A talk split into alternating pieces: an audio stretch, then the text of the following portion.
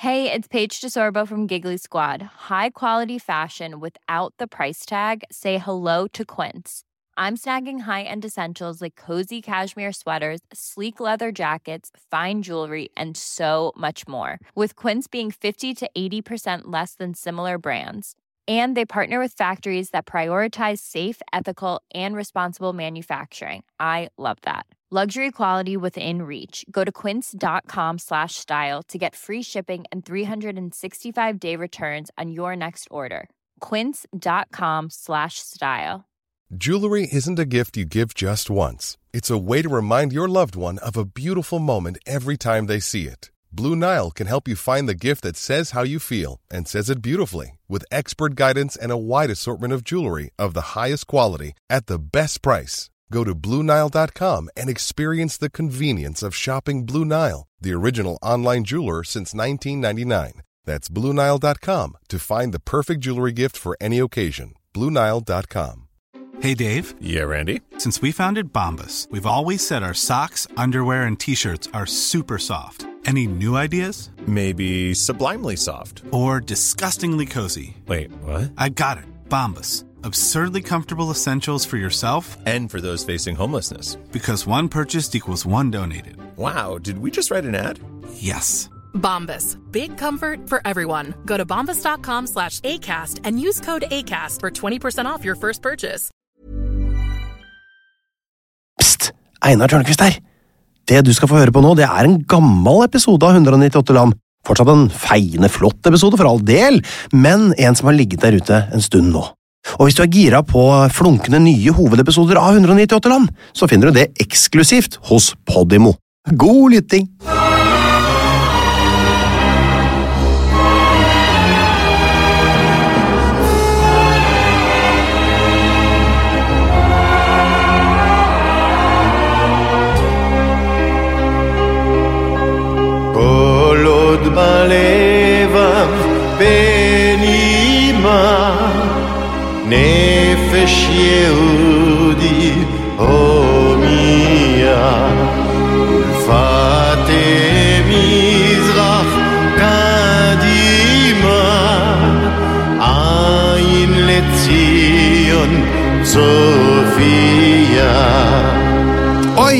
Oi, nå er det Israel, mine damer og herrer. Jeg kan ikke si annet enn at jeg har grua meg bitte lite til akkurat den her. For Israel det er et land som mange mener mye om. Frontene er steile, mange mennesker knytter sterke følelser til eh, nettopp Israel, og det vil koste meg null kalorier tenker jeg, å finne eh, folk bare her i byen som syns at staten Israel er Satan sjøl, og det vil koste meg ca. null kalorier å finne folk som er så glad i nettopp Israel at de knapt snakker om annet, og de har klistremerker i bilvinduet, og det er ikke grenser for hvor glad de er i akkurat Israel. Jeg kjenner eksempler på begge, og det står helt sikkert noen foran eh, Stortinget akkurat nå, av, fra begge grupper, og roper et eller annet.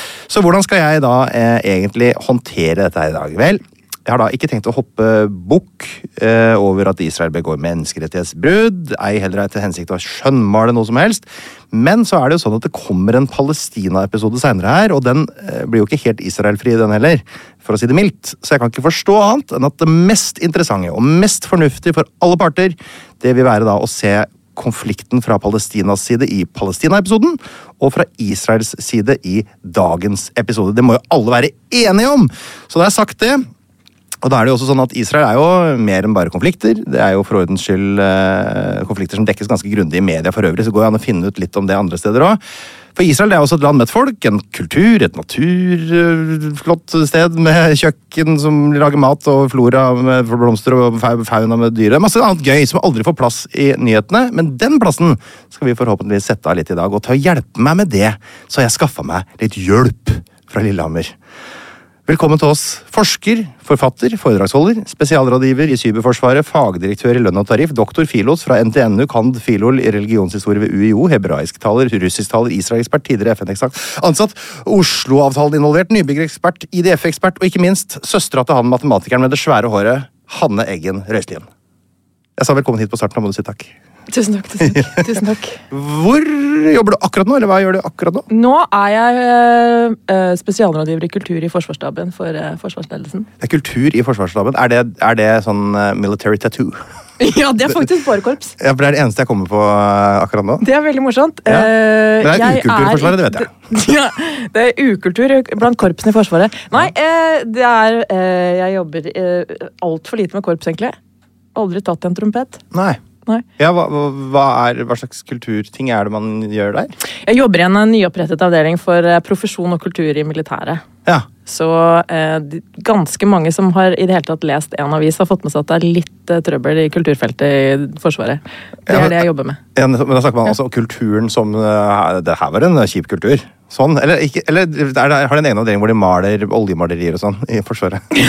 Ja, dette er faktisk avdeling for korps og olje, oljemaleri. Ja, det er det, ja, og fri flyt. Det er altså, vi prøver å styre oss unna øh, korpsene Ja. og inn i oppførsel, atferd, militær profesjon. Den Vi er veldig kultur. opptatt av militær profesjon, ikke så veldig opptatt av korps. Men det er jo dette jeg, apropos når du sier hva jeg har drevet med, eh, det er jo dette jeg har en doktorgrad i fra før. I i det israelske forsvaret. Har Altså du- jeg jobbet i det amerikanske og litt forskjellig. Så det er dette jeg har drevet med. Så jeg jobber jo strengt tatt akkurat med faget mitt. Jeg elsker jobben min. Ja, jeg òg. Faget mitt er jo bare å sitte her og drikke kaffe. du, når dukka uh, dette lille riket i Midtøsten, uh, Israel, når dukka det opp i livet ditt? Jeg begynte med det faktisk da jeg var 14. Eh, 14 år. første gang jeg dro ned dit, var, det var i 1987. Ja. Eh, da var jeg ikke 14, altså. Men eh, det var med foreldrene mine, og så ble jeg veldig opptatt av det. For vi var i Auschwitz Mm. med foreldrene mine da jeg var 14. Og så kjøpte jeg mer eller mindre en enveisbillett eh, da jeg var, eh, etter hadde vært russ. Ja. Og så bare ble jeg der. ja. Det var ikke meningen. Ble der, altså, du bare Dro til Midtøsten og ble der. Ja, men Jeg ble så utrolig fanget at jeg klarte liksom aldri helt å Jeg var jo hjemom, selvfølgelig. Ja. Altså, jeg har jo bodd i Norge og mange andre land også, men, men det liksom satt fast i meg. Har sittet fast i meg et helt liv. Ja. Og så Eh, har jeg jo skrevet bøker og alt sånt om disse bosetterne. Og så senere så endte jeg opp med å drive med det israelske forsvaret. Da har vi blitt veldig godt kjent, eh, og vi skal blåse i gang første spalte. Den eneste spalten som minner om en quiz. Det er Faktaboksen.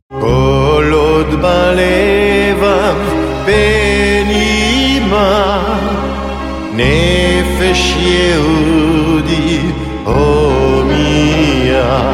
Hjertelig velkommen til Faktaboksen, hvor vi går gjennom eh, ja, litt sånn grunnleggende fakta om Israel. Jeg begynner jo så enkelt som det er mulig å begynne. Hva heter hovedstaden i Israel? Aha, du trodde det var enkelt? Ah, Nei, det går jo ikke an, dette landet her! Nei, nei, nei. nei. Du må aldri si at noe Nei. er enkelt. Nei, vet du hva? Derom strides de lærde. Det. Fordi der er vi jo øh, der, vi, hører du, der er jo de fleste uenige. Hvis vi nå sier uh, uh, hva FN sier, så vil, sier man Tel Aviv. Det internasjonale det det. Mm. samfunnet sier det er Tel Aviv. Eh, Trump, ikke overraskende, var bitte litt uenig. Ja. Han flytta hovedstaden, eller det vil si ambassaden, amerikanske ambassaden til Jerusalem. Ja, de gjorde det, stemmer det. Ja, og så ble det bråk. Uh, Han er jo også den, eneste som gjør det, bortsett fra Israel selv, som har da presidentbolig og slikt Mm. i Jerusalem. Som egentlig måte er den som, måten man definerer en hovedstad på, tror jeg. At man, det er her man liksom, Ja, men Det er jo veldig fint å bli internasjonalt anerkjent òg. Og det har de ikke fått til. Nei, og det er jo uh, grunnen til at jeg sier det er om strides eller lærde. Det er jo uh, konfliktens kjerne. Oslo-avtalen, nå begynner jo den å bli gammel, 1993. Landet jo ikke Israels hovedstad fordi at både palestinerne og israelerne vil ha Jerusalem. Og så lot de det være. Og så er det ankepunktet mot Oslo-avtalen. Det trenger vi kanskje ikke gå inn i. Vi kommer til å gå inn på det etter hvert. Eh, Så når du sier hvor ligger hovedstaden eh, Verden generelt sier at den er i Tel Aviv. Eh, det er et dypt ønske av Israel og i og for seg USA at den skal flyttes til Jerusalem. Biden er litt ikke helt enig, men eh, Så det er ganske interessant. Så det er egentlig bare rett og slett et eh, stridsspørsmål. Har Israel krav på Jerusalem, eh, eller har de ikke det? Det er både det det går på, er ikke det? Ja, ikke sant? Og så kan man jo eh, Alle kjenner jo til Jerusalem. Og når vi snakker om Israel, så blandes jo mange av disse begrepene. For er, en, hvem er en israeler? Og så sier man ofte en israelitt. ikke sant? Men israelitt er jo et bibelsk folk. De finnes ikke. Det er du ikke med på min Nei, du har ikke det, ikke sant? Men, det, ikke sant? men vi snakker jo, sant? I, Poenget er at vi snakker jo ofte om Israel i en sånn blanding av nymoderne politikk Mm. og legger inn noen sånne bibelske greier som gjør at uh, Israel og Jerusalem henger jo litt sånn sammen, og så Ja, ja, ja. tar vi med noe Jesus og Ja, Jesus. påsken, ikke sant? Som re, han red inn på noen esler og greier, ikke Var sant? det i Jerusalem? Uh, Så blander vi, ja, ikke sant? Jeg husker det var Nazaret eller Betlehem eller Genezaret, sjøen eller Hebron eller hva det var for Gjennom noe. Getsemane hage. Getsemane hage var det. Ligger i Jerusalem. Oi. Eh, gjør det, ja. I utkanten der. Uh, På østsiden i de palestinske. Men i hvert fall så er det ikke sant at uh, dette er et jeg skal ikke bare si at det er et komplisert spørsmål, men, men det er jo også Det tar fram noe av hva som er problemet med Israel. At vi det er både at vi snakker på både ikke sant, som sagt, nåtidig politisk nivå, bibelsk Mm. nivå, og i en konfliktsetting. Så si at vi tar det enkleste først. Bu. Ja. ok, Det går så ikke. skal ta en enda lettere en, da. Enda lettere. Ja. Er Israel større eller mindre enn Norge? Den formuleringen gjør det jo mulig for deg å svare på det, faktisk. ja mindre. Det er det, det går ikke an å si akkurat hvor stort det er. gjør det? Nei, jo, ikke sant? Uh, nei. For det er det ingen som er enige om. Men vi har et tall som Store norske leksikon bruker, som er 22 070 kvadratkilometer. Sant? Da har man på en måte sikkert eh, det, Vi skal komme inn i detaljene. Nei, det- alt, alt er bare rør med denne her, og dette kommer til å bli et kaos av en episode. Men Spør for eksempel, har de med, grenser? folkens. Har de grenser? Har de grenser? Nei! Er ikke sånn veldig klare? De har eh, våpenhvilelinjer Mm. som har blitt de facto grenser. Grønne linjer ikke sant, fra det arabisk-israelske krigen. Det er noe annet enn det nå, ja. Ja. Dette skal bli spennende. Uh, sånn at de har ikke internasjonalt anerkjente grenser, men de har våpenhvileavtaler fra Ja. tilbake til 40-tallet. Hvis dere går over her, så skyter vi dere. Hvis dere går over her, så skyter vi Det dere. blir leit. Ja. Så det blir en slags grense, det slags de facto grense, som på en måte ikke er en juridisk grense, da. Ja. Det jure, må jeg vel si da, hvis jeg har sagt de Det facto. gjorde de facto. Åh, Å, gud a meg, dette her... nå er Oi, nå vi litt sånn Men si, hvis vi Mm. sier at Israel er sånn cirka like stort som gamle Nord-Trøndelag fylke, Cirka, ja. som heller ikke finnes lenger, ikke sant? så har vi uh, alt Nei, på, på, det- på det Det rene. det. Så, så, så er vi trygge her. Innbyggertall. ja. Det er vel omtrent 9,4 millioner nå, men eh, eh, Men hvis du regner med de og de, og så ikke regner med de og Ja, de, så er det. alt er bare rør. Ja. Men jeg, hvis du nå tar, tar eh, Google som en eh, ikke ansvarsfull kilde, så Ja. kommer det i overkant av 9 millioner. Det, folketallet der stiger veldig raskt. Mm. Eh, og så, igjen så kommer det litt an på hvordan du teller dette her, da. ikke sant? Eh, men det ordentlige svaret på det, siden du nå spør, Jeg gjør jo det, da. ja, er jo som følger at Israel Det er jo en voldsom konflikt selvfølgelig mellom israelerne og palestinerne. Og i de okkuperte områdene, eh, som vi da ikke skal snakke så mye om nå, eh, som da jevnt over er Vestbredden, Øst-Jerusalem, Golanhøydene mm. Ish. Eh, Gaza, for ikke å glemme ikke Gaza. glemme Gaza. Nei, Men jeg tok det ikke med fordi at hvor bor det store jødiske befolkningsgrupper? Da Oslo-avtalen ble undertegnet, så var det 110 000 eh, bosettere, altså jødiske jø jøder i de okkuperte områdene. De har jo steget til i underkant av 700 000 nå. Og de er særlig i Øst-Jerusalem og Vestbredden. Altså, Eh, hvor mye skal du telle med de befolkningsgruppene der? Så spør du hvor er hovedstaden. Det er jo Jerusalem, men den er jo delt i to med en grønne linje fra det, sant? Seksårskrigen. 1967. Men i uh, Øst-Jerusalem og Vestbredden ikke sant, så bor det da i underkant Kommer det an på hvordan du regner? 700 000 ish. Du legger på en litt snau million. Ja. Dette er israelere som måte, har da bosatt eh, som jødiske har- israelere som Ja. har bosatt seg i okkuperte områdene mot FNs juridiske tillatelse. Ikke sant. Og som gjør at Israel er i stor konflikt med palestinerne Mm. og FN. Nettopp. Klart? Eh, Overhodet ikke. Men innbyggertall mellom 9 og 10 millioner. Det, er også en måte å si det på, faktisk. det. Ja. Ja, Jeg ville sagt den- kanskje mellom 8 og 10. Ja, da sier vi mellom 3 og 26 millioner mennesker. Ja, sånn rundt. Og da går det Det er mindre enn 50. Det er mindre enn 50. og, og, og hvis vi går til befolkningstettheten Nei, den avhenger vel litt av hvor mange det er, og hvor stort landet er, så vi hopper over den. Men altså, den er sånn 425 omtrent. Hvis vi skal være sånn, bruke sånn mediantall her, så er det 425 mennesker per kvadratkilometer. Til sammenligning, i Norge er det 14. Så det sier noe om at det er mye mennesker på lite område. Ja. Eh, Ved dannelsen i 1948 så var det 806 000 innbyggere. Så, kan jeg bare, så det har altså tolvgangeren omtrent siden den gang. Kan du i hvert fall si det. Veldig spennende. Skal vi kommentere det der òg, eller? Nei, det kan ikke kommentere alt. Nei. Noe må vi hoppe over. Vi går til valuta. det var jo ikke noe morsomt i det hele tatt. Det det er faktisk en ting. det er et enkelt svar. Og det er, Shekel. det er shekel. New Israel shekel. Ny israelsk shekel deles Ja. opp i 100 agorot. Går omtrent tre kroner på en shekel om dagen. Eh, Ja, men her har, skjer eh, ting fort. Ja. Har den da dalt sånn som krona? Nå er det jo ikke en eh, valutaekspert du har fått inn i okay. studiet, men Greit. eh, Den er greit skuffende. det var én til én til én da jeg begynte med dette. Men da er jo det, Ja. jeg er jo en gammel dame. Du er Så- veldig gammel. Folk ser ikke nå, men du er eldre enn Olav Thon. Grenser til! Ja! Eh, I den grad det har grenser. Men det, altså, det, på et eller annet tidspunkt når du går i en retning, så kommer du inn i et annet land. eh, når det har gått over nok sand. Hvor mange runder vil du ha på det svaret der? Fordi at eh, vi kan, skal vi kan starte med hva Er Palestina et land, for eksempel, kan du starte med, og det er det her i 198-definisjonen min. Ja. Så det grenser Så det til. Palestina. Eh, hvis vi, men vi, nå hopper vi litt bukk over dette Palestina-spørsmålet, for dette er jo litt grumsete, da, kan du si. Ja, det er, fordi, det er liksom fordi vi er i faktaboksen bare sånn i starten av podkasten. Vi skal liksom dypere inn i det etter hvert. Prøver å liksom komme oss til det. tre timer om bare det. Ok, uh, Men spennende. Faktaboksen. ikke sant?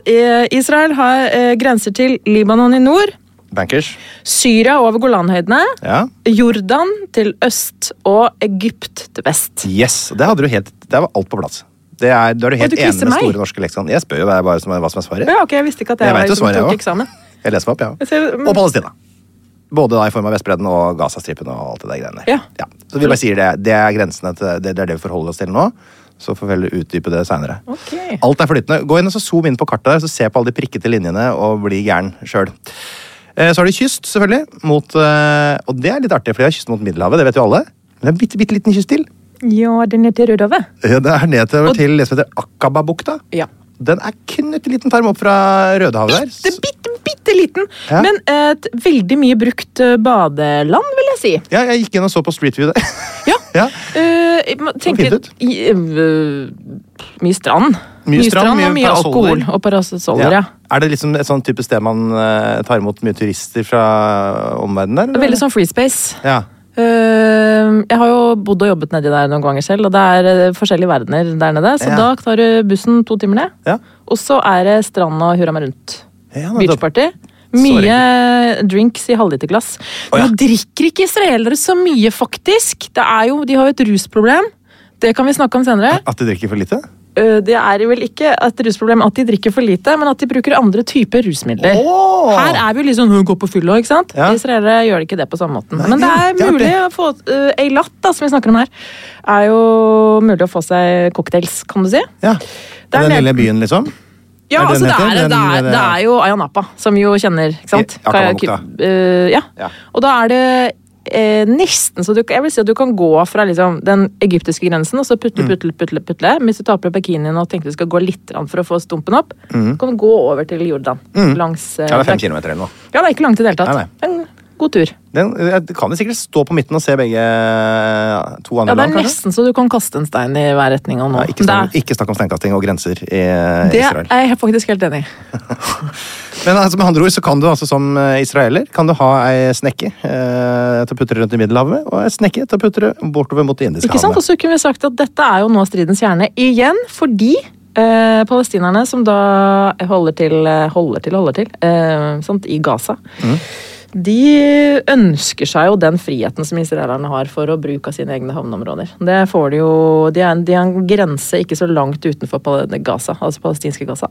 Eh, så de Altså, er, ikke altså, kysten er eh, blokkert å- for palestinerne? de får ikke lov til å bruke båt, så ta båten og fiske så langt nok ut til egentlig å få sier de det? fisket. Det, er, det, er liksom, det er litt grann noen av de der eh, Det er litt strengt, det går det an å si. Det er i overkant strengt, og så er det jo selvfølgelig utmagrende, da. Ja. Ikke sant? Eh, noen husker kanskje for ti år siden at eh, det var en, eh, et skip som ville kjøre Krysse den grens, grensa. Mm, Krysse den grensa. Mm. Inn til Gaza. Og det var et skip med, med, med skandinavere og sånn, var det ikke det? Ja. Sånn, med, mye kulturfolk som skulle eh, gjøre et, statuere et eksempel eller noe. Hva For, var den for og mot? Israel og Palestina har jo der rett og slett blitt en øh, Det er jo mye identitet i det også. Det er selvfølgelig en veldig voldsom okkupasjon der, da. Mm. Man kaller jo Gaza et fengsel. Palestinere kommer jo ikke inn og ut verken til lands eller vanns. Nei. Eh, og det er begrensninger eh, for hvor langt ut det er lov til palestinere ut fra, ut fra Gaza ligger jo under vannet, havet. Så det er jo begrensning på hvor langt ut de har lov til å dra i båt. da, ikke sant? De har du- kyst hvor de kan, de kan kjøre så og så langt ut, men, Men- etter det så er det, liksom, det, det er ulovlig for dem. Ja, Og så begynner det å bli tomt for fisk i det grunne vannet. da. Ja. Så det er jo et problem for, selvfølgelig for palestinere. Det er umulig å lage seg en egen økonomi, da. Ja, ikke sant? Og så får du ikke fly de det er får ikke flyplass der inne. Ikke som de har lov til å bruke, eh, fordi at eh, det palestinske luftrommet er også kontrollert av Israel. Ja, det er jo et eh, altså, vi, skal prøve vi skal prøve å se dette fra Israels side i dag. Det er klart det blir jo litt heftig noen ganger. Ja, Å ha rein sympati hele veien, det, det er litt tøft. Ja, og så tenker jeg at dette er ikke et sympati eh, skal ikke, Vi skal ikke gjøre det til et sympatispørsmål heller, men det er eh, Når land har vært i konflikt over så mange år, så må vi jo også eh, Så kan man selvfølgelig gå rent juridisk til verks på dette her. Eh, og det er jo en voldsom eh, konflikt i forhold til eh, selvfølgelig som du kan forklare med internasjonal humanitær rett, FN osv. sant? Men det er jo nå to befolkninger som, også som lever i dette over tid. Og noe av det, de spørsmålene som jeg har engasjert meg i, er hva er det som skjer med disse befolkningsgruppene når man lever i konflikt lenge. Vi kan jo godt snakke om det der senere, men um, israelere blir jo uh, La oss kalle det anklaget da, uh, for ikke å bry seg. Ikke sant? Hvorfor bryr de seg ikke nok? Hva er det som, hva er det som skjer? Ikke sant? Vi ser på demografien og hvor israelere bosetter seg, hva de er opptatt av. Man kan jo godt si at israelere burde bry seg mer. sant? Hva, men hva skjer med befolkningsgruppen over tid? Israel er jo Jeg syns det er et interessant land, men det er jo øh, det er vanskelig å kjenne seg igjen i en beskrivelse av Israel som øh, altså, jeg må si det på en annen måte. Israel, uh, den israelske befolkningen lider jo av å ha vært i konflikt over så lang tid. Mm. Det er det jo ingen tvil om. Vi ser det jo nå at det hele israelske politiske landskapet og demografien, altså psykiatrien, hva som helst Israelere lider veldig av å ha stått i konflikt over lang tid. Og så har de bosatt seg i Tel Aviv, kalles en boble. Altså hovedstaden, sant? Man snakker om Tel Aviv-bobla. Eh, og de eh, plasserer seg politisk sånn eh, Kall det sånn sentrum-venstre. Som på mange måter er de som også har potensialet til å løse konflikten. Fordi at de står for en annen linje Israel-Palestina-konflikten. Høyresiden er mye hardere da, overfor palestinere. Og høyresiden her er mer en sånn religionskonservativ religionskonservativ -hmm. høyreside enn kanskje vi er vant til. Ikke så næringsliv, liksom. Det er mye mer eh, Ja. Bibel. Ja. Mye mer knyttet til religion og nasjonalisme. Og venstresiden har jo ikke det, men de bryr seg samtidig ikke. sånn at Folk tar jo i mye større grad et aktivt valg om å flytte til Tel Aviv og å vende konflikten ryggen. Ja. Og Hvis du nå går tilbake til dette kartet da, som du trakk opp i begynnelsen Hvis du har eh, blikket mot havet, så har du blikket mot vest. Og Palestina-konflikten skjer jo oppe i fjellene i øst. Altså det er liksom Golan Nei, Golan er nord, Ja. men Vestbredden er eh, et fjellområde øst for Tel Aviv. Ok.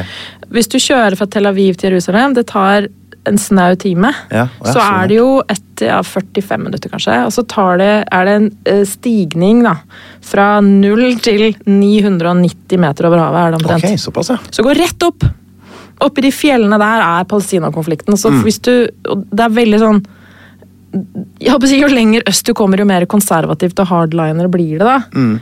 Jeg Karikerer det litt, men det er for å tydeliggjøre et argument. at eh, Hvis du drar til kysten, så er det mye mer sånn kystliv. eh, folk som Det er jo der eh, Folk med shorts. Folk går med shorts. Folk går med shorts. Ja. Det er eh, Tel Aviv er en ho kjent for å være en sånn homoby. ikke sant? Homovennlig by, som jo er så rart. Mye greier, der. ikke sant? Mm. Ja, i hvert fall men, Sammenligna med områdene rundt, så må det jo virkelig være men i forhold til nesten hele verden, tror er bare San Francisco du kan eh, sammenligne med. Ja, ja, ok. Ja, ja, Det er, det er eh, ikke å dra på det, altså. Nei, ikke sant. Så øh, ja. Mm. Og så kan vi gå inn på noe som heter HDI. Jeg får ikke lov til å si HDI-indeksen, for det er jo som å si Human Development-indeksen. indeksen. Men det er så deilig å si det likevel. Så HDI-indeksen. Eh, vet du hvor de befinner seg der? Fra, altså, på førsteplass har vi jo selvfølgelig Sveits. Uh, Norge på andreplass. Dette- Og så på sisteplass har jo disse afrikanske eh, sånn Sør-Sudan og sånn. Eh, Somalia. Hvor, hvor er det Israel befinner seg, tror du? Å, veldig spennende spørsmål. Ja. Jeg kan ikke akkurat HDI. Jeg, kunne, jeg kjenner, det er jo mange andre undersøkelser på dette, men Mm, gi meg et svar, du. Jeg kan gjøre det. De er Ja. faktisk på 22.-plass over bra land å bo i, hvis du regner ut fra sånn forventet gjennomsnittlig levealder, eh, utdanningspotensial. Av 198? Sa Ja. du av 198? Eller sa du av 12? 191 egentlig, som er målt i denne De har vel ikke nok eh, tall på alle landa. Nå tok jeg på meg brillene bare for å høre hva du sa. Ja, du hører du bedre med det på? I tidvis. Ja. Eh, For du har altså Dette er plassen bak USA, som er på 21. plass. Eh, forventet levealder er 82,7. Det er veldig høyt. Eh, det er en finfin åttendeplass i verden, faktisk. Bedre enn Sverige. Eh, det er blant verdens høyest utdannede befolkning, som jo trekker opp. Eh, og de har den høyeste livskvaliteten i hele regionen, hele Midtøsten. Så de er faktisk på 22. plass i verden, som er nesten litt imponerende. Da har de nok kanskje ikke regna med de palestinske områdene, som da blir definert som et eget land i eh, HDI. HDI. Mm. Ja vel. Litt spennende, det. Eh, Ja, det, det er, Du er litt overraska. Uh, ja, jeg er litt overrasket. Eh, Altså, som vanlig Ja. er det jo mulig å forklare dette på forskjellige måter. Om, da. Israel er vanskelig å forstå ut ifra en ut ifra norske kall det, briller, da. Mm. Fordi det er et så splittet land. Det er vanskelig å både forstå og forklare uten liksom å gå liksom dypt inn i materien med en gang. Mm.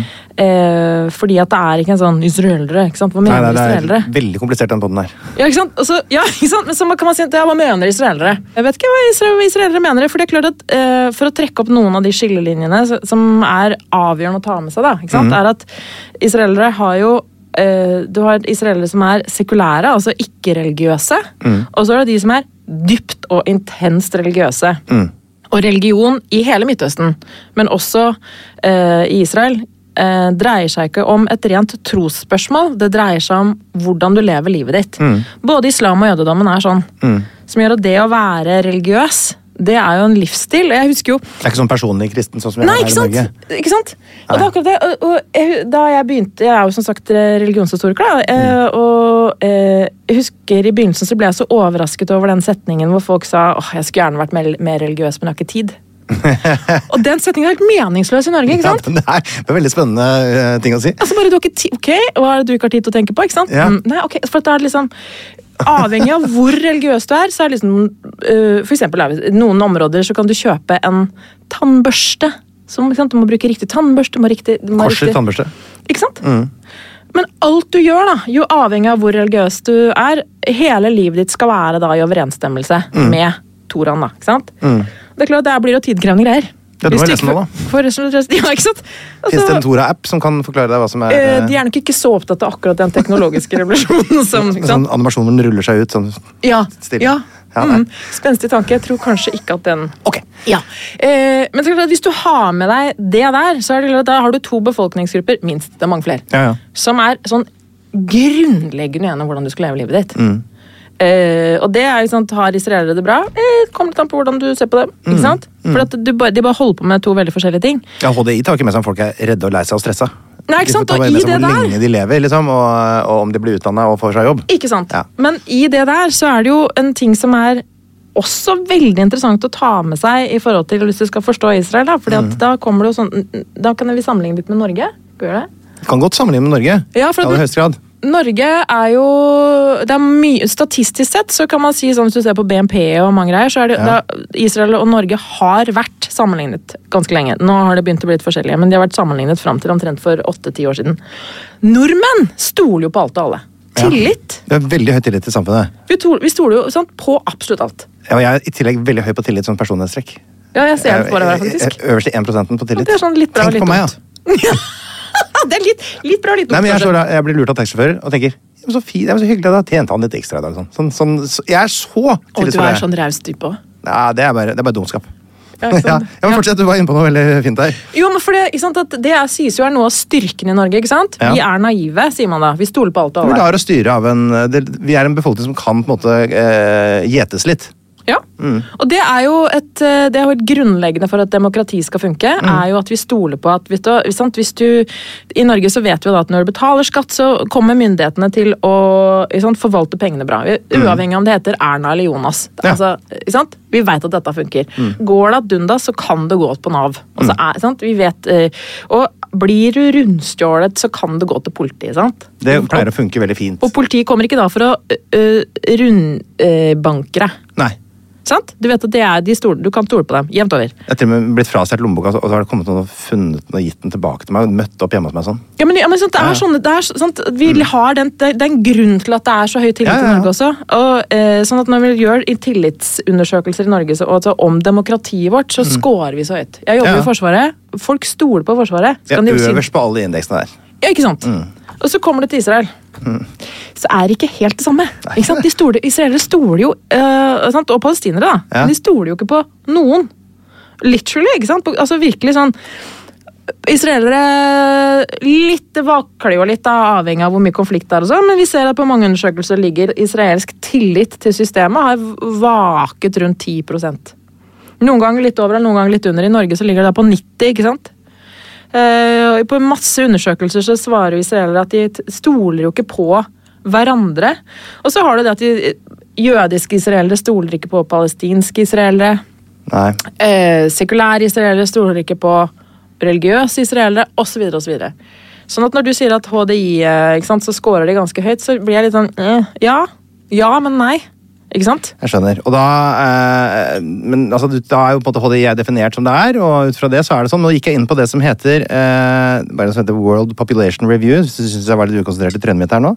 Så var det altså fordi jeg gikk inn her for å se hvor de befinner seg på det såkalte happiness-indeksen Ja. fra 2021. Ja. Og da er de på det, så vidt jeg kan telle her, så er det en tolvteplass, faktisk. De er ganske happy i år, skjønner du. Det er mellom eh, Jeg vet ikke hvordan det er definert, da, men det er mellom Australia og Tyskland.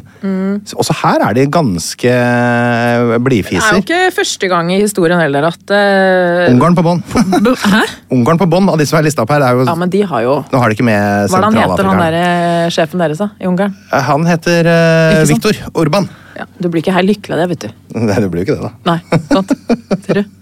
Nei, men liksom. Det er jo noe med at eh, det er jo ikke første gang heller at eh, befolkningsgrupper som lever i krig og konflikt, eh, svarer ganske høyt på å ha det fint, faktisk. Så det er jo litt sånn velkjent trekk. Men jeg er ikke så overrasket i og for seg over at israelerne svarer at det, det håper jeg, går bra med det, men så vil jeg jo eh, gjerne se at det brytes ned på hvilke typer av befolkningen, da. Da skal vi videre til religion. Ja! Har de religionen i Israel, tror du? Nei. Nei. Det er de faktisk. Det, det slapp de. Det er, det er jo litt sånn forenklende her. Ja, og hvis vi skal gå godt. for én La oss skulle velge én region som på en måte er mer eh, representert enn andre regioner, hva skulle du gått for, da? Zoroastrismen. Zoroastrismen, ja, nettopp, ja. ja. Og så er det noen få eh, Noen helt få. Andre som også er representert der, f.eks. Jødedommen. Jødedommen. 73,6 jøder, står det. Ja, det er jo ikke sånn superart, siden det er 73,6 av Jøder. i Israel. Så tenker jeg Nettopp. Så det gir mening for deg, det. Men det- 18,1 muslimer står det også. Ja, det er jo heller ikke sånn superrart. Vi er ikke overraska over noe her. Nei, vi bare lar den ligge, og så går vi videre. Vi kan, snakke, vi kan gå i detalj for dette her. Demonym. Hva sa du? Demonym. Det Det er er innbyggernavn. Du foreslo israelitt. Det er helt feil. For de heter israelere. Ja, ja, ja, ja, ja, de heter israelere. Og hvis det nå er derfra, så er det israelsk. Vi går videre. Statsform. Det er en president. Og de driver en såkalt Demokrati, tenker du på? repu... Og republikk. Ja, språk. Da snakker? Hebraisk. Og noen snakker arabisk. Og arabisk og engelsk og i og for seg Ja. spenstig veldig mange som snakker russisk. Ja, det er det. Og du Ja. snakker litt russisk, du gjør det? Ja, er Jeg har artium russisk, uten Åh. at det er noe vi skal flagge for høyt. Ikke sant? Høyeste topp. Ja, Det er Mount uh, Hermon. Ja. Nord er det vel? Er vel det hvor de drar Harmeron? Av en eller annen. Hæ? Ja, det er, de sier jo selv Hermonfjellet. Ja, her, ja. Eh, eh, og det er det jo selvfølgelig da nok en gang i et sånt eh, område som ikke er helt bombesikkert at det er i Israel. Som, ja, eh, Har du lyst til å dra og kjøre slalåm mellom Libanon og Israel? Personlig har jeg eh, latt. Oh. Det er en erfaring som jeg ikke har bidratt Er det, er det de fjellene som heter Anti-Libanon eller sånn? da? Det er et fjell her som heter et eller annet sånn sinnssykt eh, gøy Ja. i denne sammenhengen. Ja. Ja. Og det er sånn, litt sånn ugreit. Men, Det er litt ugreit. men jeg, jeg, også fordi at jeg er jo lillehamring, så har jeg tenkt hm, skal jeg ta med meg ski til Midtøsten? Jeg, jeg sier ja. Jeg sier ja, ja. du tar med det som ekstra sånn spesialbagasje på flyet. Så har du med skibagen. Har Meron er høyeste fjell de jure. Altså ja. øh, øh, Og den er 1208 meter over havet. Ja. Lengste elv Hva gjorde Dan Hellman? River Jordan. River Jordan. Den er jo sang. Syns det er jo Er det? Virkelig. Ja.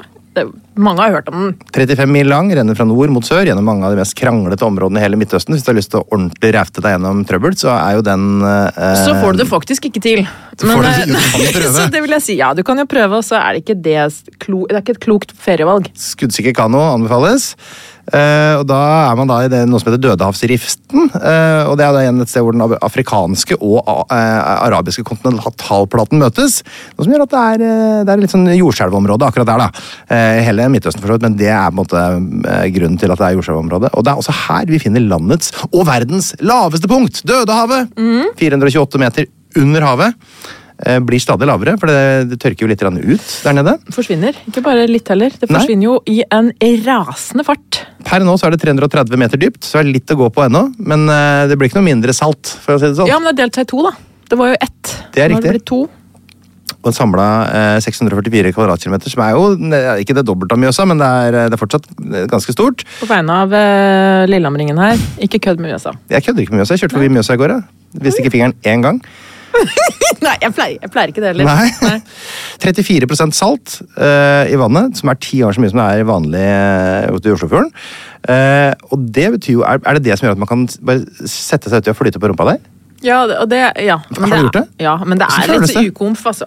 Er Det det? er veldig, veldig rart. Det er, det er liksom, hvis du har et lite myggstikk sånn til bitte litt hull på huden, Mm. så er det jo som å bokstavelig talt strø salt i sår.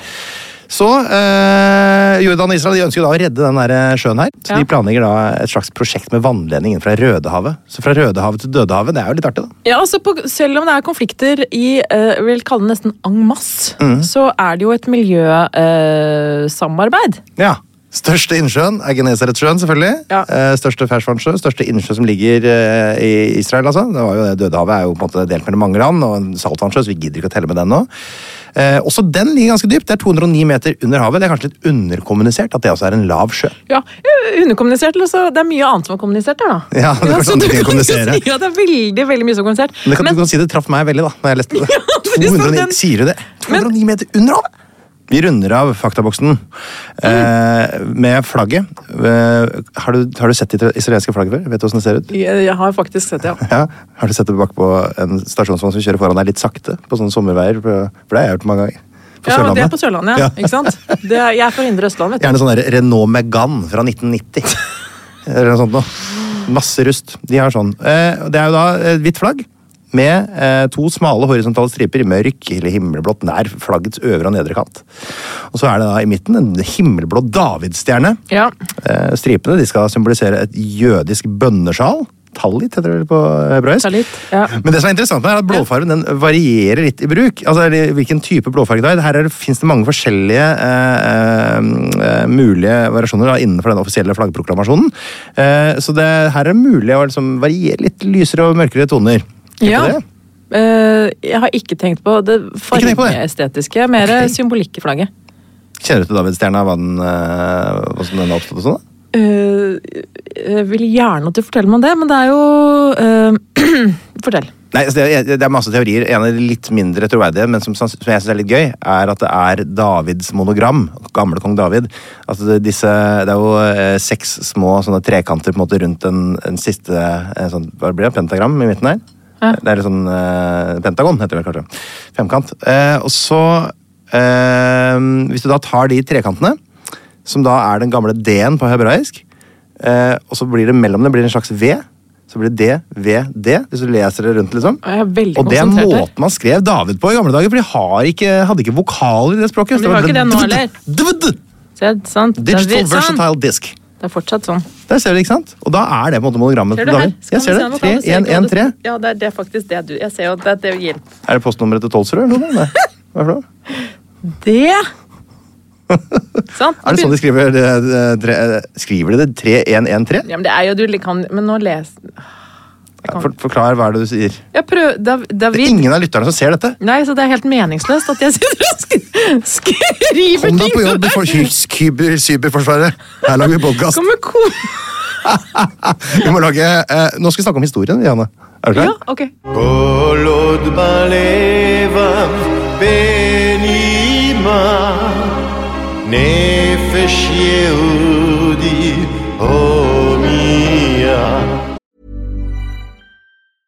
Ready to pop the question? The jewelers at BlueNile.com have got sparkle down to a science with beautiful lab grown diamonds worthy of your most brilliant moments. Their lab grown diamonds are independently graded and guaranteed identical to natural diamonds, and they're ready to ship to your door. Go to BlueNile.com and use promo code LISTEN to get $50 off your purchase of $500 or more. That's code LISTEN at BlueNile.com for $50 off. BlueNile.com code LISTEN. I'm Sandra, and I'm just the professional your small business was looking for. But you didn't hire me because you didn't use LinkedIn jobs. LinkedIn has professionals you can't find anywhere else, including those who aren't actively looking for a new job but might be open to the perfect role, like me. In a given month, over 70% of LinkedIn users don't visit other leading job sites. So if you're not looking on LinkedIn, you'll miss out on great candidates like Sandra. Start hiring professionals like a professional. Post your free job on linkedin.com/people today. Even when we're on a budget, we still deserve nice things. Quince is a place to scoop up stunning high-end goods for 50 to 80% less than similar brands. They have buttery soft cashmere sweaters starting at $50, luxurious Italian leather bags, and so much more. Plus, Quince only works with factories that use safe, ethical, and responsible manufacturing. Get the high-end goods you'll love without the high price tag with Quince. Go to quince.com slash style for free shipping and 365-day returns. כל עוד בלבם בנימה נפש יהודי הומיה Det er veldig mye jeg er gira på å spørre om eh, når det gjelder Israel. Jeg har en følelse av at vi er nødt til å sette alt i historisk kontekst på et eller annet tidspunkt. eh, Og at vi hele tida kommer til å måtte komme innom og forklare og bla, bla, bla. Så kan vi bare ta en kjapp runde gjennom historien, og hvor kjapp den blir, det er jeg usikker på. Hvor er det liksom ordet Israel kommer fra? Jeg husker jo den der sangen som forvirra meg da jeg var liten. her, den der, When Israel was in Egypt's land. Ja, Men Israel kan jo ikke være i Egypts land, tenker jeg da, for at Israel er et annet land. Du kan ikke flytte et land. Allerede der er det begynner, å, begynner å skjære seg. Så det må jo bety at Israel betyr noe annet. Må ha vært brukt om det jødiske folk også. Eh, vi, kan, eh, men vi kan jo gjøre dette kort og greit, da. Vil du at vi kan Ja, Du kan godt forenkle det litt for, for, for podkastlytternes skyld. Veldig mange kjenner jo selvfølgelig til Israel fra eh, Mosebøkene. Eh, og i den historien der så er det jo en av disse stammene eh, Da skal vi tilbake til eh, de tidlige Mosebøkene. Så er jo det, la oss kalle det de, blant de tidligste bibelske stammene. Man fører jo den jødiske befolkningen tilbake til de bibelske stammene. Det var vel, så vidt jeg husker, var det 13. Nå kan det hende at det er noen som arresterer meg for det og sier at det var 12. Synes jeg husker det var 13. Men dette er jo fram til år 70. Ja, altså romertida. Ja. Mer eller mindre, ja. Uh, men så da snakket vi jo om en, uh, kall det en stamme, ikke sant, tribe, Ja. sant? Som var i det området der, Uh, hadde Jerusalem som sin hovedstad. Et lite område, liten tid, fram til år 70. Da hadde de også eierskap, kall det det, over Jerusalem fram til år 70. Jeg prøver nå å gjøre det faktisk ganske enkelt, fordi at det er to ting med det. Det ene var at det, da hadde de det jødiske tempelet var altså øh, Hva skal jeg si Det originale jødiske tempelet. originale Det originale jødiske tempelet var i Jerusalem. Og i dette tempelet uh, så mente man også at punktet mellom himmelen og jorden faktisk fantes. Poenget med dette er at uh, så kommer romerne Titus. og, Keiser på den tida. og driver jødene ut av dette området. Det som står igjen fra da, er det som mange har hørt om klagemuren. Det er den vi har på en måte som man susser på. Eh, og putter brev mer. inn i. Putter, ja, putter små lapper og susser litt på den. Ja, så Det er den som står igjen fra det originale tempelet, som da ble brent av keiser Titus uh, i Så år 70. Så poenget med det er jo uh, det Her har vi flere ting samtidig når du spør om israelerne. Mm. Uh, fordi da ble jødene fordrevet, som er liksom det ordet vi bruker, da. ikke sant? Mm. Ja, ja. Da mistet de også autoriteten, kall det det, over Jerusalem. Ja. Og det som står igjen, er klagemuren. Det er en litt sånn kort versjon av en historie, selvfølgelig. Men etter det så ble jo øh, øh, jødene fordrevet. De Mm. flyttet i to retninger. Den ene øh, flyttet mot i retning Tyrkia innover i Europa. Mm. Det har blitt den ene jødiske stammen. Eller ikke stammen. Er det det som er sånn Askenazi og Ikke sant? hva heter for noe? Uh, eh, Sefardi. Ja, sefardi. Mm. Og den andre i Nord-Afrika.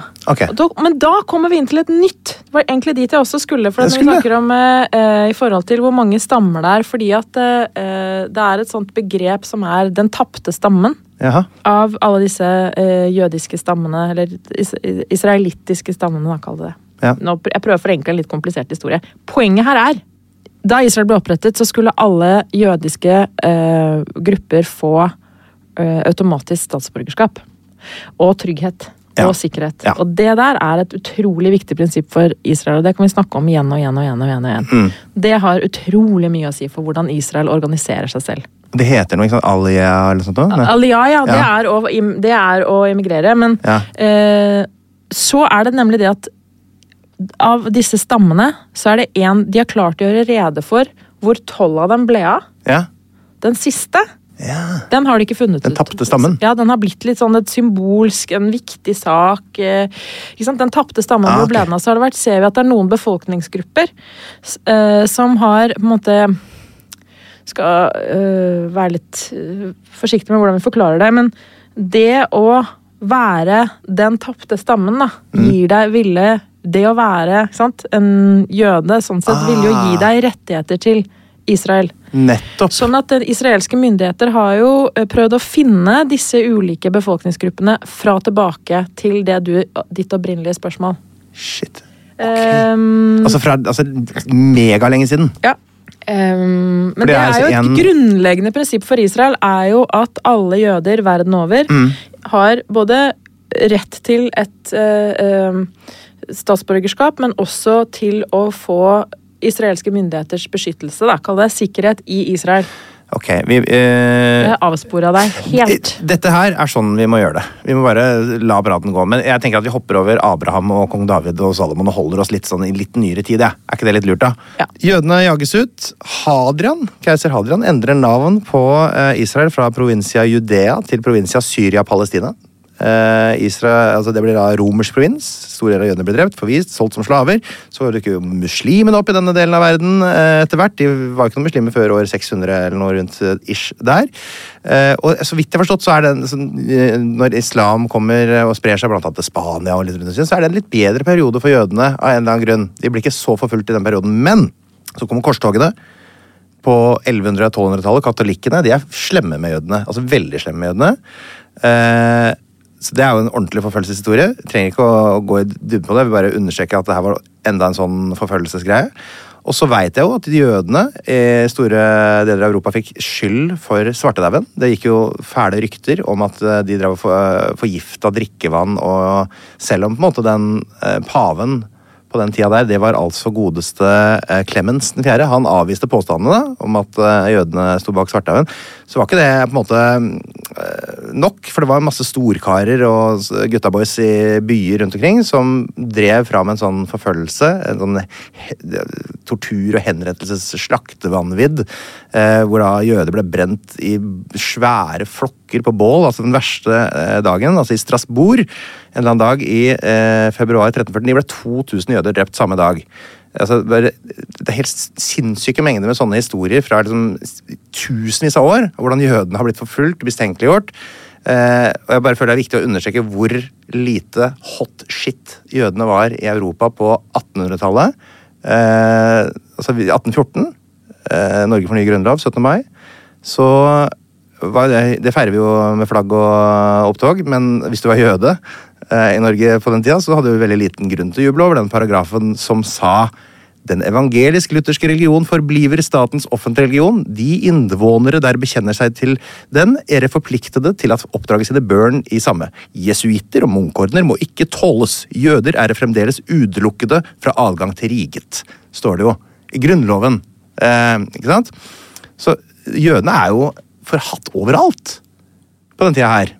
Jeg synes Det er et veldig interessant poeng du trekker fram, og det er litt underkommunisert eh, når vi skal drive og forstå Israel-Palestina. ikke sant? Vi holder på med den konflikten så mye. Mm. Men eh, hvis vi nå skal legge bort konflikten, men se på det jødiske Israel, så Mm. er jo det du trekker opp der, er utrolig viktig. Um, vi må huske hva slags Hva vi lærte på skolen om den jødiske historien. Mm. Um, vi nevnte, snakket så vidt i stad om år 70. Jødene ble fordrevet. Mm. Uh, Da flyttet de jo fra Israel til uh, blant annet Nord-Europa. Mm. Nå skal vi komprimere en lang historie. Det må vi jo. Uh, absolutt. Og en ting som kom da, var jo annet at Israel, nei, jøder fikk jo ikke eiendomsrett Nei. i mange av disse landene. Eh, som de bosatte seg i. Det er jo et problem. ikke sant? Hva skal du livnære deg av da? Og så ble det et eh, Endte jo det opp med å være et internasjonalt, kall det et handelsfolk. Det jøder har, det har jo å gjøre med den religiøse arven er jo at de har hebraisk som språk. Så det betyr jo at de hadde et språk som de hadde, kunne dele på kryss og tvers av landegrenser. Det la jo god grobunn for internasjonal handel. Det jo ser vi også at eh, ble dratt i tvil i forhold til eh, hvorfor skulle de tjene penger på handel? Ikke sant? Det er én grunn da, ikke sant, til en sånn skepsis. Men, Men, ja, snakke om det, det at de blir eh, At de som blir jøder er så grådige og ikke sant? griske. Ikke sant? Får de Som, som var minoritet i alle land de bodde i, og som ikke hadde samme rettighetene, og som selvfølgelig var helt avhengig av å Veldig historieløst, det var det jeg prøvde å si. ikke sant? ja. Det er utrolig historieløs forklaring. Mm. ikke sant? Og så skal vi prøve å essensialisere en befolkning, og så glemmer vi helt den historiske rammen rundt. Mm. Og det og, øh, så For å komme til det andre punktet her, da, ikke sant? hvorfor ble Israel opprettet? Mm. Og så er det jo, kan vi jo fort si, for dette henger veldig sammen med dette vi snakket om nå, fordi at man kan jo fort si jo andre verdenskrig, Mm. selvfølgelig. Hvordan kom vi i den situasjonen, er jo egentlig det som er interessant. Hvordan endte vi opp med de forferdelige tingene som skjedde i andre Ja, for verdenskrig? det begynte jo ikke i 1940 med forfølgelser av jøder. Absolutt ikke. Eh, Israel som stat, moderne stat, er jo bygget på, eh, eller et resultat av den, den, et sionistisk prosjekt, av sionismen. Mm. Det er navnet på en sånn jødisk Men- nasjonalistiske måte, Ja. motreaksjon på, på antisemittismen i Europa. da. Ja. Den første sionistiske verdenskongressen ble avholdt i Basel i 1897. Mm. Eh, og da bestemte de seg for, sånn kort fortalt, vi vil etablere et jødisk-israelsk. Et jødisk hjemland, ikke sant? Og så kommer en motreaksjon på det. Hvorfor i all verden skulle de ha det? Sant? Og Hvorfor skulle du ha det i Israel? Sant? Da var det jo ikke noe stat der, selvfølgelig. Nei, det var det var osmanske rike eller noe sånt. Som Ja, det har vært mange ting der. Ja, altså, så har det vært, litt, eh, ikke sant? Det var noen uh, europeiske koloniherrer i det området der, blant annet Frans, uh, Frankrike og Storbritannia. Det er et annet kapittel jeg tror vi skal Mm. Hoppe litt over. Ja, ikke sant? De har vært overalt. Portugiserne har ikke vært der så mye, bare. Det er bare ja, de fokuserte litt på afrikanske land. Mye annet å slite med på den tida der. Ja, På den tiden der, uh, på slutten av 1800-tallet og begynnelsen av 1900-tallet, så uh, drev jo vi med nasjonalromantikken. Mm. Og vi var jo glad, glad i Bjørnstjerne Bjørnson og Ibsen og Kielland og Lie, ikke sant? Alt det der. I vår nasjonalisme var det ikke plass til jødene. Nei. Dette er en historisk trend i hele Europa. Mm. Eh, det, det var jo ikke en inkluderende nasjonalisme som vi hadde da. Fordi vi bygde en nasjon, vi. Vi, hadde akkurat løst, vi skulle løsrive oss fra Sverige i 1905. Altså, vi på, vi, skulle, vi skulle liksom bli en egen nasjon med en egen Vi identitet. holdt jo ikke på med sånn Her kan alle få komme og være sånn Nei, nei. som de vil. Og, ikke sant? Det har vært tydelig og skarpe i grensene. Sånn at vi ser jo at i hele Europa så har den jødiske befolkningen fått et, et eh, slags eh, ultimatum, da kall det det. Assimilasjon. Mm. Integrasjon eller forvisning. Du må enten, dere må enten være som oss, Mm. eller Slutt holde være oss utenfor. Ja. Sånn at det å komme si det sånn, komme opp med i tanken om å lage et etablere et, en jødisk stat, er, er veldig i tiden. Mm. Hva er hele FN bygget på? Det er nasjonalstatsprinsippet. Mm. Eh, ikke sant? Eh, en nasjon, en stat. Mm. Autonomi. Ikke sant? Eh, Selvfølgelig, Vi forenkler litt nå, men det er for å få fram liksom, tydeligheten at dette her er ikke en sånn Ingen andre drev med det, bare at uh, sionistene tenkte det skulle vi gjøre. Det er sånn vi også gjorde. Mm. Norge var jo ikke noe supergreie, vi heller. Vi har jo, ikke, har jo ikke vært en inkluderende stat, vi heller. Jeg hørte jo Vikingtida, tenker du på? ja, ikke sant? Jo, men, sant? Og vi, men, men også nasjonalromantikken. Jeg hørte jo også uh, han som er eh, forstander i de jødiske trossamfunnene nå, sier jo at nordmenn fremdeles Kohn? ikke Ja, Ervin Ja. Kohn. Mm. Så han møter jo fortsatt folk som tror at det ikke finnes eh, eh, fremmedhat og ikke sant? eh, Mot jøder i Norge? mot jøder i Norge. Samtidig som når man gjør undersøkelser om hva slags type banneord bruker man i norsk skole. Ja, ja, ja. Så må liksom ta det litt innover oss, da. ikke sant? Altså, det, om, det, det var en sånn eh, undersøkelse om antisemittisme. Det er noe som heter altså Anti-Defamation League, som har gjennomført en sånn undersøkelse om hvor eh, antisemittistiske forskjellige land er. Og da har de en egen definisjon på hva som på en måte er antisemittisk eh, del av befolkningen. da. Eh, Laos på sisteplass for øvrig, 0,2% bare. Veldig bra. Eh, Vestbredden og Gaza på førsteplass, med 93 eh, med antisemittiske holdninger. Norge er eh, altså Der er 15 eh, altså 570 000 av den voksne befolkningen som på en måte avslører eller innrømmer at de har eh, antisemittiske holdninger. Det er ganske mye mennesker bare i Norge. Så, og vi er blant de beste i klassen her, altså. Så hvis vi går til for eksempel eh, eh, Hellas, 67% har på en måte antisemittiske holdninger. Ut fra denne definisjonen, selvfølgelig. Men ehm, når vi jobber med sånne samfunnsvitenskapelige utfordringer, så eh, er det jo en forskjell på å forklare, forstå og legitimere. Mm. De blandes veldig. Mm. Sånn at, og det, blir, det er veldig tydelig i den Israel-Palestina-saken, fordi Mm. at det blir så fort så knyttet til Det gir dem ingen rett til. Nei, det er ingenting, ingenting gir noen gang noen rett til å bryte menneskerettighetene. Nei. Det er jo ikke det argumentet vi kjører her, vi må, men, eh, og det er viktig vi viktig. prøve å forklare og forstå. Ikke sant? Og det er, eh, men vi må ikke blande kortene heller, fordi Nei. at eh, Det er litt viktig for meg også i den podkasten her. Ja, ikke sant? Det er kjempeviktig. Ja. Og jeg blir litt fortvilet ofte jeg, over at jeg, jeg blir tillagt holdninger jeg ikke har. Mm. Men dette vi snakker om nå, om hva som skjedde i perioden sånn slutten av eh, 1890-tallet og fram til sånn 1860, nei, 1960, 70, 80 Mm. Hva er det egentlig som har skjedd, ikke sant? Mm. Og Norge er jo, har jo gått en lang vei i forhold til inkludering, eh, hvordan vi ser på andre grupper osv. Bare se på hele runden vi har nå. Ja, nå nettopp vår egen eh, kulturminister som sier at vi skal ikke kunne drive med homokonverterings... Ikke sant? Riktig. Det er mange minoriteter i Norge som sliter med å få gjennomslag. Og hvis det er jo det vi, vi snakker om en minoritet her, Mm. gjennom historien, som har mistet rettighetene sine. Mm. Så det, det er både deres kamp for å faktisk være majoritet et sted, kan du si, da, som på en måte er, er er noe av begrunnelsen for Israels statsdannelse. Ja. Eller for sionismen, da. Ok, vi, vi, vi snirkler oss inn mot det her. Eh, og så kan vi jo si det at det var jo innflyttinga til disse områdene, altså som senere ble eh, Israel, det starta ikke i 1948, da staten Israel ble oppretta. Folk begynte jo å komme lenger før. Annet fordi de ble utestengt fra forskjellige riker, som annet Norge. da. Men da er jo dette her et område som da over lang tid, eh, siden keiser Titus eh, fra Romerriket jagde folk ut og døpte om til Syria-Palestina eh, så, jeg, vet ikke, jeg kan ikke latin, sorry. Eh, så man må jo nesten si at jødene da faktisk begynner å kolonisere Palestina her, da. Ja. Hvordan klarer de det? Vet du det? Hvordan klarer de liksom å bare dra dit og så ikke bli kjeppjaga rett ut igjen? Verdens sionistorganisasjon lagde jo en oppkjøpsplan Ja. først. Ja, etter eh, 1897-konferansen. Ja, 1897. De hadde, flere, de hadde jo flere, selvfølgelig, men da var jo tanken først å begynne å kjøpe opp land. Nettopp. Eh, som bidro til eh, en folkeforflytning, folkeforflytning, da. Mm. Men eh, det endte jo ganske raskt. Det tok vel bare i underkant av 20 år eh, før det eh, ble eh, ganske det som heter voldelig sammenstøt og tidvis Ja. krig. I, 20 år, særlig, ja. Ja, særlig i Hebron-området, men Mm. hvor det gikk fra å være oppkjøp til sammenstøt og at til, sant, det blir jo veldig I et bitte lite område der så blir det veldig fort sånn Når noen skal flytte inn, så er det på bekostning av de andre. Ja, ja. Det bor jo folk der, har bodd der i tusenvis av år.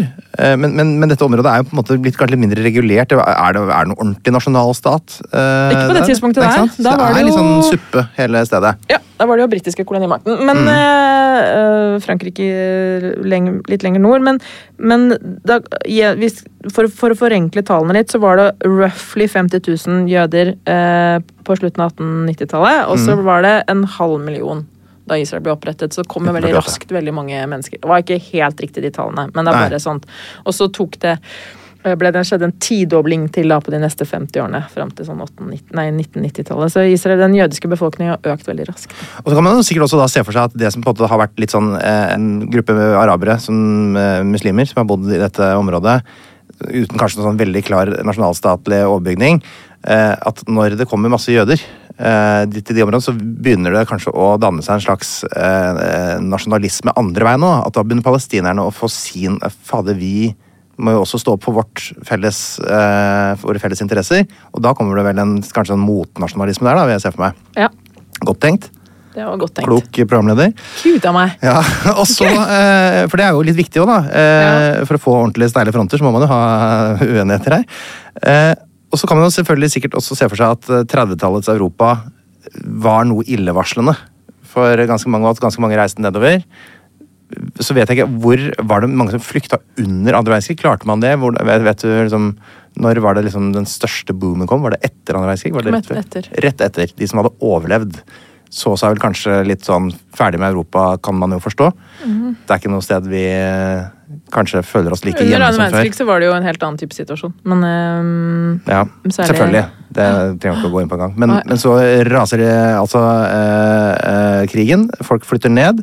Ja, det var en liten sånn artig ting. Jeg kan ikke si hvor artig det er, men i 1939 altså Rett før uh, utbruddet av krigen så er det sånn at den britiske regjeringen kommer fram da, etter mye fram og tilbake da, at, til at det er uhensiktsmessig å dele dette landet her i to. Uh, den jødiske nasjonale hjem skal befinne seg inni den palestinske stat, og det skal komme maks 75 000 jøder de neste fem årene, altså årene 1940 til 45. Tenk at de la en plan for det, som ja, den ble nedstemt uh, ganske greit, da. Så det er veldig spesielt, bare det, da, syns jeg, da. Ja. 1948, 14. mai, så dannes nasjonen Israel. Fødes i krig. Eh, og da er det altså noe, Det første som skjer, er vel eller at det blir erklært krig. Er det ikke det? Er det ikke dag to? eller noe sånt da rikets... Dag én. Det er dag én, ja. Litt ut på ettermiddagen der. Så da, da var det krig, ja. Og hvem er det som eh, møtes til dyst denne gangen? Jeg tror vi skal ta korthistorien her. Ja, vi må nesten gjøre det. Ja.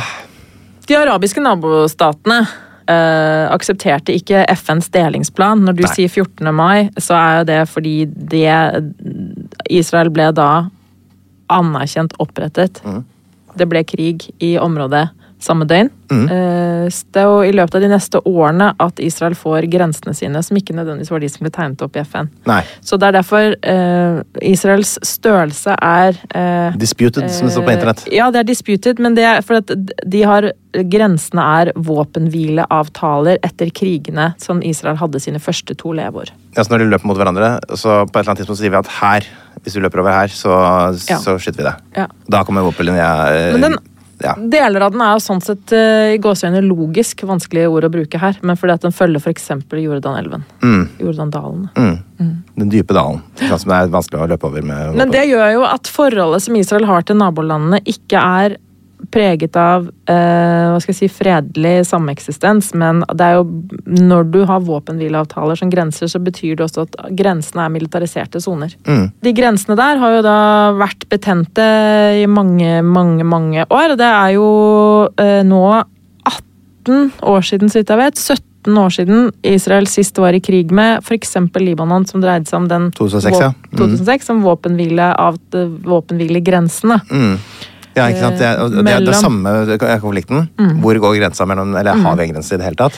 Og da var det blant annet På hver side av disse grensene så er det jo da en sånn militarisert sone og en sånn sikkerhetssone, da, som det Mm. heter. ikke sant? Og så i hvor stor grad du kan gå innenfor det. og Det gjør noe med måte, bare et sånn tilstand for et land der òg. Bare så trygt det er for Norge å vite akkurat hvor grensa er hele tida.